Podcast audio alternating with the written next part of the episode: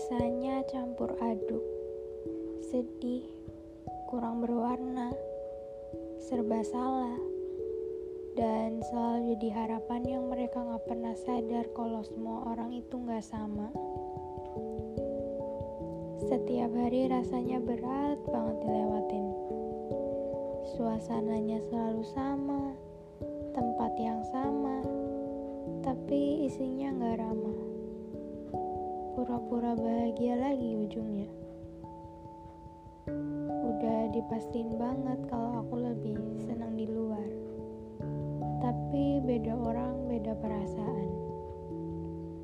Bingung rasanya punya kepribadian tergantung dengan siapa dan waktunya. Kadang lucu aja gitu. Kalau aku lebih suka dengan keadaan ini, tapi perasaanku was-was dan gelisah. Pikirannya selalu ke orang rumah. Jadinya setengah-setengah deh. Tapi kalau aku pergi sama orang rumah juga bawaannya sedikit kurang enak gitu. Bukannya gimana-gimana, tapi rasanya beda. Apalagi rasa nyamannya. Ketara banget.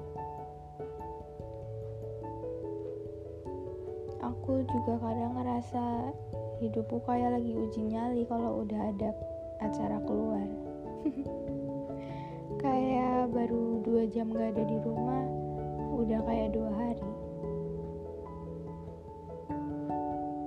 Kayak yang aku bilang rasanya bener-bener campuran. Aku senang kalau orang rumah masih peduli banget sama aku. Tapi untuk peduli perihal rasa kayaknya susah banget ya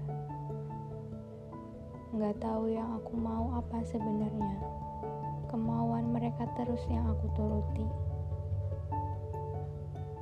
Dan ya, kadang ngerasa juga kayak di penjara.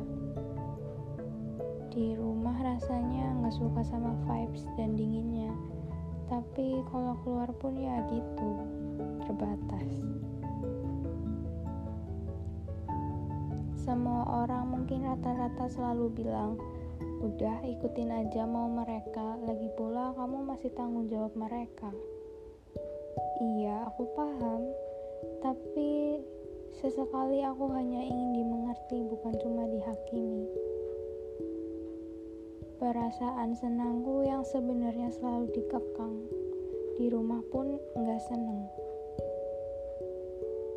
Tapi kalau mereka melihat aku gelisah di rumah, mereka juga gundah. Jadi sebenarnya ini salah siapa? Hmm. Aku di saat ini cuma bisa menuruti dan mengikuti alurnya aja. Pasrah enggak, terlalu nurut pun juga enggak. Jadi diri aku sendiri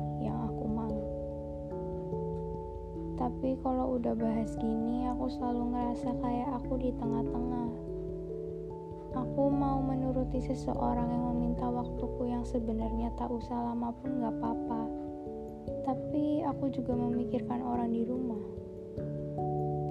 Pusing banget gak sih? Rasanya sulit dijelaskan. Di episode ini aku cuma ingin mengutarakan perasaanku sebagai anak dari strict parents yang tidak pernah dimengerti namun dipaksa selalu mengerti.